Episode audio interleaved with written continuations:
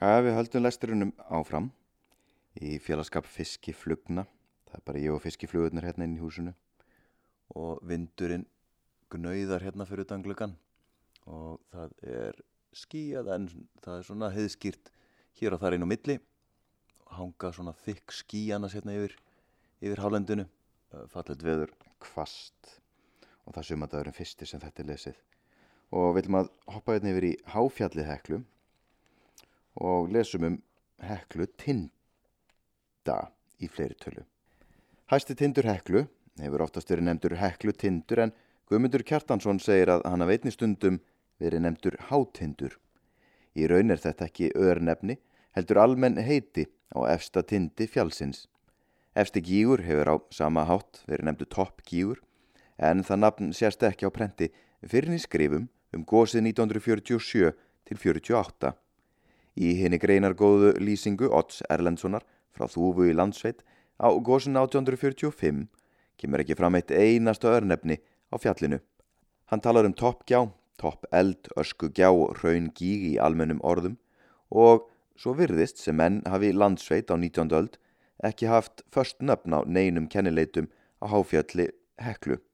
Þegar Guðmundur lísti háfjallinu í bóksinni frá 1945 voru heklutindar 5 að tölu. Sá hæstu þeirra, heklutindur sjálfur, 1447 metra hár.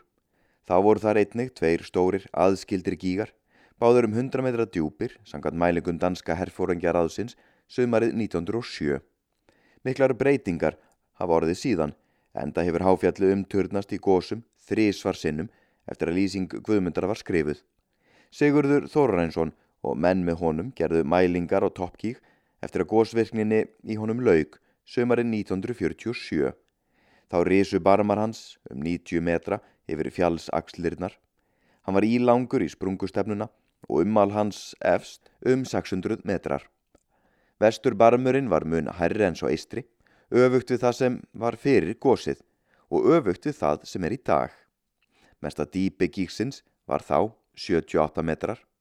Hæð hátindsins hafi verið mæld fyrir um sumarið og reyndist á 1503 metrar en svo mæling er ekki talin mjög nákvæm. Tindurinn hefur möguruglega lækkað nokkuð strax eftir gósið því bæði er að gjóskan sígur og þjappast. Hrun og fók verður úr efstu brúnum auk þess sem nokkur samdráttur á sér staði kolnun efnisins. Núverandi lag Heklu Tinda og Top Geeks mótaðist í gósinu 1980 og 1981 því að veturinn 1991 var þar allt með kjörum kjörum þótt eldar loguðu skamt undan.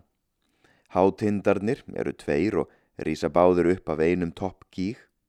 Gígurinn er í langur, tegður í sprungustefnuna, þrísvar til fjórum sinnum lengri en hann er breyður.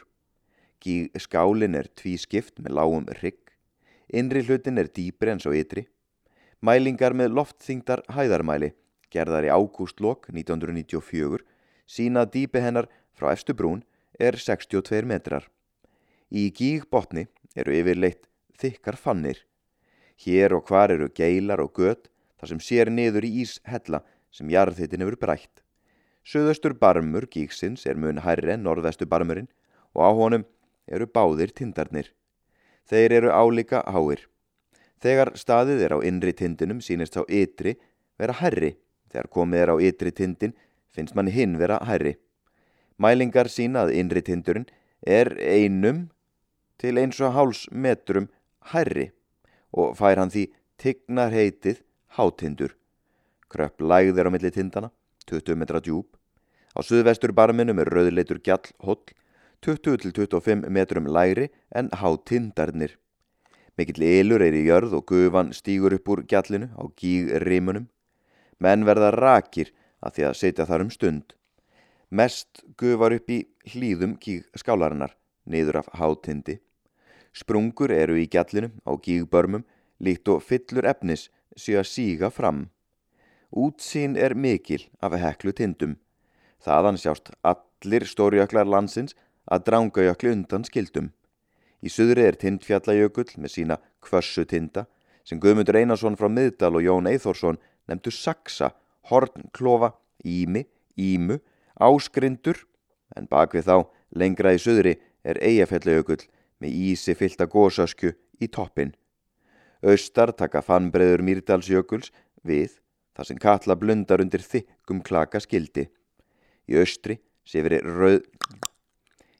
sér yfir rauðfossafjöll og lit förótt fjöll Torfajökuls svæðisins. Við sjónarring rýs örafa jökull með kvanallasnúk hæst allra fjalla. Í norðaustri er löðmundur með sinn loðuna feld og liftir tindóttum gnúpum. Milli hans og Torfajökuls glampar á veiðivötn en dökkar raun breyðurnar við heljar gjá draga í sér ljósið. Í fjarskanum er vatnajökull með kyrlátt yfirbrað, öldungsins sem ber höfuð og herðar yfir alla. Í gegnum vonar skarð má grilla í trölla dingju og dingju fjöll í ódáða hrauni. Nær stendur tungnafells jökull, eilífan vörðum sprengisands leið, en vestan sandsins eru ávalar bungur hofsjökuls. Við rætur hans eru þjósorver, arnarfellið mikla og kjerlingafjöll, en kjölur í há norðri. Langjökull lokar sjón ringnum til norð-vesturs en söður af honum sér yfir reppa fjöll. Skjaldbreið og fjöllin kringum þingalvatn. Vesmanegar likja fyrir landi og sínist fyrðu stutthangað út en í söðvestri fyrir fótumanna breyður söðurland úr sér með ís og þís þó verða öll mannana verk fyrðu smá af þessum sjónar hóli.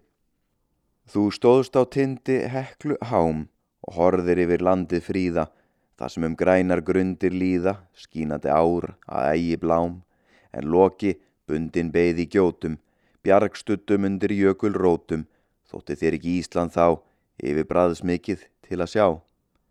Jónas Hallgrímsson til herra Páls Geimard. Svo er hérna kaplum hæð, heklu og líka mælingar, uh, með sínasta síðasta talan hérna með sangjardnri nálgun má því segja að hátindur heklu sé 1488 metrar yfir sjáarmál.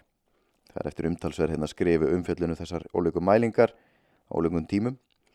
Svo er heklu auksl ytri og axlar gígur ljósmynd á hilli opnu. Ekki tekið fram hver tók hann að reyndar. Jú, byrjunuð, það er Jón Karl Snorarsson. Og svo er axlar gígur, hann myndaðist í 1200 metra hæð á há aukslinni suðvestan við Toppkík á öðrum degi gossins 1947. Eh, í gossinu 1980 opnaðist öll fjalls aukslinn meiraða minna og síðan aftur 1991 og í bæðiskiptinu eruðu breytingar á axlar kík. Í fyrra sinnið sprakk og hrundi norður barmur hans þegar þar opnaðist aflangur raun gígur en ekkert raun rann inn í gíkskáluna sjálfa. Í setna sinnið reif mikil sprengi gjá sundur barm axlar gíks að suðvestan og þá kom einnu upp raun sem hálf fylti hann. Þótt axlar gígur megi muna sinn fívil færi og sé ekki svipur hjá þeirri sjón sem hann var, er hann enn mesti gígurinn á háfjallinu að toppgíg frá töldum. Svo er axla brekka sem er kallið sprengibrekka, það kannski minnir á það þetta svæðu þetta þegar kemur að, að vera á fjallinu þegar það gís að það er ímið svona scenario uh, sem að er ekkit voðalega heppilegar. Um, svona til. Í Axlarbrekku miðri er einn fallegasti sprengigígur á allri heklu öxt hann er á norður rima heklu gjár ringlaga um 50 metra víður með eilitið upp, upp, upp orpnum börmum á að giska 40 metra djúpur með þernýftu veggjum að innan og tölumverðin snjó í botni. Svo dýpið er meira en séð verður. Stökkum henni yfir. Svo er komið hérna að kaplanum orð til heklu. Og ég var búin að lesa uh, ljóðið Eldstafir eftir Hannes Sigfússon. Og næsta ljóð er 1947 eftir Baldur Óskarsson. Einn fagran morgun í mars kom faði minn inn frá gegningum, engenlegt skí yfir heklu, saðan, reykjelsi á sjónbög, ösku vorið, ekki raskað þá ró okkar, ekkert raskað ró okkar. Eftir þjóðveginum lág ströymurinn til fjálsins og tökum eitt ljóði viðbót, það er Kvika eftir Ingibjörgu Haraldsdóttur. Minning, óljós, martröð, löngu glimt Fjall, glefti mann, löngu síðar. Lagst í mjúkan mosa horti heimins hnoðra kvíta undir mýktinni, raun undir rauninu, eldur. Fjall, glefti mann Stokki á fætur, skripla á skurninni andartak, sömandi skjelvingar undir öllu, æsíðan þessu uggur fjall glifti mann. Svo tekur hérna við kapli sem heitir Eldfjallafræði og við skulum aðeins fáum smá eldfjalla einsýn auðvitað í þetta frægasta, eitt frægasta eldfjall Íslands. Megin eldstöðin Hekla. Í eldfjallafræðum hafa fjöll á borði Heklu verið nefnd megin eldstöðvar. Það er einkennast að því að sömu gígarnir gjósa aftur og aftur og með tímanum geta hlaðist upp mikil fjöll kringum eldvörpin. Gósefnin sem uppkoma eru margbreytileg, bæða innri og ytri gerð. Bergkvikan er þróuð, sem kallað er, og hefur breyst frá henni upprönnlegu basísku kviku í mölli jarðar. Megin eldstöðvar gjósa því oft andesíti og líparíti. Undir þeim flestum munu vera kvikuð þrær sem bráðinn eða hálfbráðinn kvika sapnast í milli gósa. Algengast er að skari af sprungum og misgengjum gangi gegnum þær og oftast eru háita svæði tengt þeim. Hekla engan veginn dæmi gerð fyrir íslenskar megin eldstöðvar. Hún er ekki eldkeila, stratovulkan eins og Snæfellsjökull, Eyjafjallajökull og Öravækull sem eru keilulaga fjöll með stórum ringmynduðum toppkík. Hekla hefur verið kölluð eldhryggur, sá eini sinnar tegundar á Íslandi. Hún er ílaung og í stórgósum opnast mikil sprunga eftir endilangri fjallsökslinni sem gís úr. Er líður á gósin dregst eldvirknin saman á nokkra einstaka gíga á kjánni.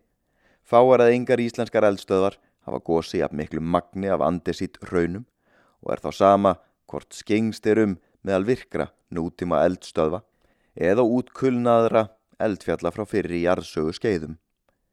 Heklu kerfið Á síðar árum hafa menn tekið að skipa íslenskum eldstöðum niður í eldstöðva kerfi.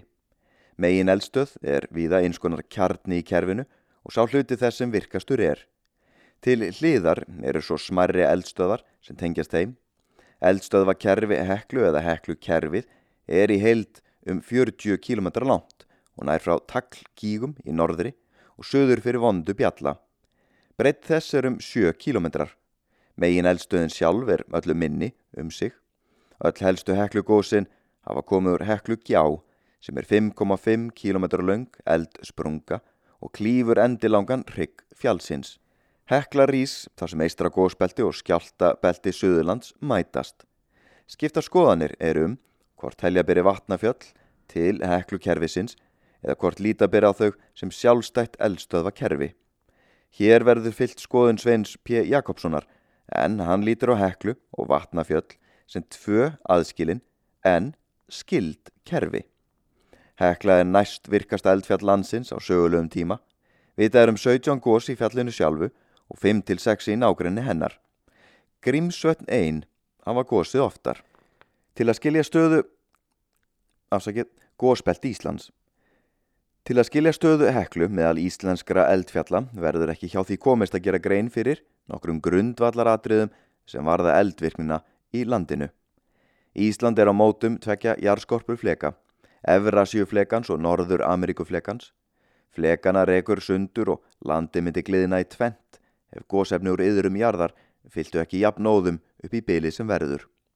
Gósbeltin er á flekamótonum og í nákrenni þeirra. Þau eru af tveimur mismunandi gerðum. Aðalbeltið og það sem markar flekaskilin er svonend regbelti. Það tegið sér frá Reykjanist tá og norður á Melrakarsléttu og engjannist af sprungum og misgengjum sem tengjast reki jarðskorpuflekana. Hinn gerðin nefnist jaðarbelti. Jaðarbeltin liggja inni á flekanum. Þar ber lítið á sprungum en það er þar lítil sem engin gliðnun. Snæfellsnes og Örafaujökuls svæðið eru jaðarbelti. Eistra gósbelti á Suðurlandi hefur einkenni begja flokkana. Þar verðist rekbelti vera í fæðingu. Siðri hluti þess hefur öll einkenni jaðarbeltis en nyrðri hlutin líkist rekbelti. Það tengist líka gósbeltinu á Reykjanesi með brotabelti, Suðurlands skjáltasvæðinu sem tegir sig frá heklu til hávesturs, þvertum Suðurlands undilendið. Jarskorpan í regbeltinu er þinri en undir jæðarbeltonum og styrkur hennar er minni. Þess vegna sígur hún meira undan þunga þeirra gósefna sem uppkoma. Afleðingin verður svo að eldfjöll á regbeltinu eru yfirleitt láreistari en þau sem hlaðast upp á þykri og tröstri skorpu jaðarbeltana. Flest hæstu eldfjöld Íslands eru jaðarbeltis eldstöðvar, svo sem Snæfellsjökull, Eyjafellajökull og Örafæjökull. Hæð heklu skýrist af því að hún er einni á jæðarbelti og undir henni er tildjöla þykk og sterk skorpa. Bergfræði Basalt er lang algegangsta berg á Íslandi. Það telst til þeirra bergtegunda sem kallast gósberg og verður einingust til í elds umbrótum. Aðrar tegundi gósbergs eru til dæmis andesít sem ofte skipti í tvo flokka, basaltíst andesít og andesít og líparít sem einnig stundum skipti í tvo flokka, dasít og ríólít. Oft er talað um að gósberg sé basíst, ísúrt eða súrt. Basalt er basíst, andesít er ísúrt og líparít er súrt. Basaltið er móður bergtegund sem aðra tegundu gósbergs verða til úr við ímiskona breytingar í yðrum jarðar. Bergtegundir sem upp hafa komið í heklu eða í gósum í nákrenn hennar eru all fjölbreytilegar. Basalt, basaltíst andesít, andesít, dasít og ríólít. Allt súra og ísúra bergið er talið hafa orðið til við gós í heklu gjá eða næsta nákrenni hennar. Fjær fjallinu hafa komið upp basalt raun. Já.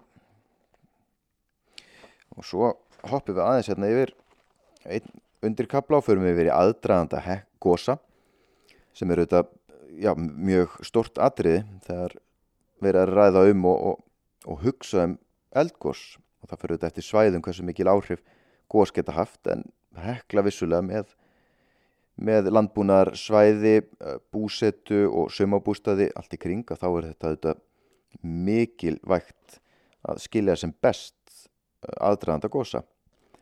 Sum eldfjöll tjá það með ímsum hætti að von sjá gósi, landris eða landsig á sér stað, jarðskjálta ríða yfir og jarðhittavirkni eikst.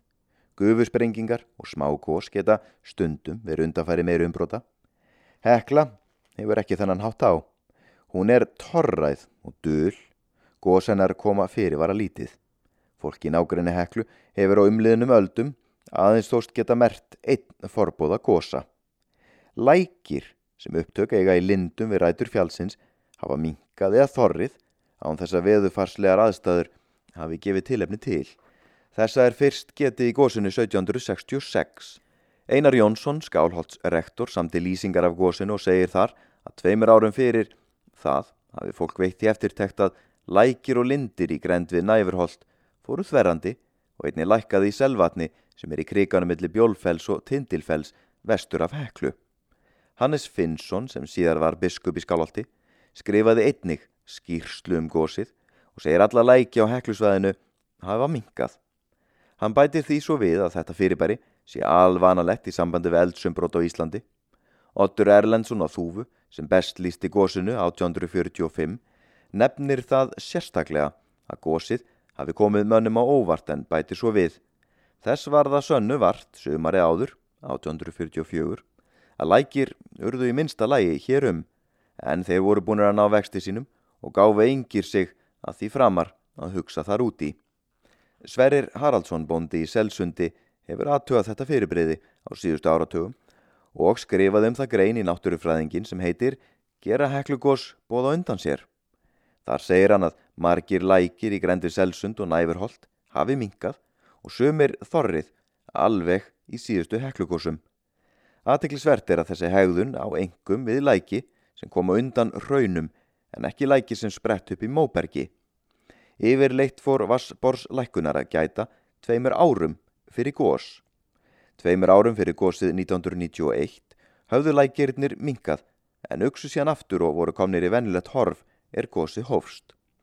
Af þessu sést að ekki er eðlilegt vassborð lækja trygging fyrir því að þið aldna fljóð bregði eigi blundi þegar minnst varir, segir Sverrir Haraldsson. Annar fyrirbóði heklu gósa eru jarðskjaldar. Raunar virðast þeir oftast hafa orðið svo skömmu fyrir gósað vart er hægt að líta á það sem viðvörun. Fólki eru fundið kippi síðast á sólarhingin fyrir gós og á fyrir tíð reyndist oftast erfitt að gera þess að grein fyrir hvort upptök þeirra voru í grend við Heklu eða annar staðar. Hekla er við austurenda Suðurlands skjáltasvæðisins og jarð ræringar því al vanalegar. Mælingar á síðustu áratugum hafa sínt væga skjáltavirkni undir fjallinu rétt fyrir gós. Síðasta klukkutíman fyrir upphaf gós hafa menn svo fundið svo kallaðan gós óróa. Það er samfeldur titringur í jörðinni sem orsakast af því að berg kvika er að brjóta sig leið til yfirborsins. Sigurður Þórarins són hefur skráðu lýsingu Haralds Runólfssonar á gós óróanum fyrir gósi sem hófst að morgni 29. mars 1947. Hann bjói hólum 12 km vestur af heklu tindi. Hann vaknaði snemma þennan morgun og, sem hann liggur á bakinu í rúmi sínu, finnur hann eins og titring undir sér. Hann snýr sér þá á hlið og sér að eir skjöldur og málverk á vegg titra dálitið. Þessi titringur hafi varaði röskan halv tíma er snarpur jarðskjálta kippur kom. Hafði þá heyrst dönur í austur átt í um það byrj tíu mínútur svo Haraldur taldi að komið væri austan rók en við kippin leitt Sverrir, sonur hans, út um gluggan og stóð þá gós mökkur úr hátindi heklu. Herðu, við skulum segja þetta gott frá þessum korunulestri. Ég ætla að klikka, klippa þetta einna hérna saman, ég er ekki í, í upptöku kljónum mínum, ekki heima, er út á landu og er að reyna að vera smá portable. Færanlegur, hann har alltaf verið draumur minn að taka upp efni svona við um land og klippa það til, bara gera það klárt. Er með þannig bíl að ég get gist í bílnum og haft þetta svona, svona, svona sveianlegt en er hérna í afskabla miklum luxus í heimsókn hérna út á landi og alltaf ganga frá sefni við viljum að enda þáttinn á smá hljóðbút, ekki lestri heldur ætla ég hérna skeita inn í lokin. Hljóðinu frá Eistri Rángá sem ég tók upp í, í gerkvöldi einstaklega fallett reynsli og mikið í áni og þetta er rétt hjá Gunnarstein sem eh, er hluti svona sagna slóðum þar sem mikill bardaði var Gunnar eh, Gunnar á hlýðarenda lendi þarna í umsátt umsátri. En Gunnar stein þessi stendur mjög nálat Eistri eh, Rángá og mjög flottur og merkjulegur stein og maður getur séð hvernig er auðvitað að hlaupa upp á hann.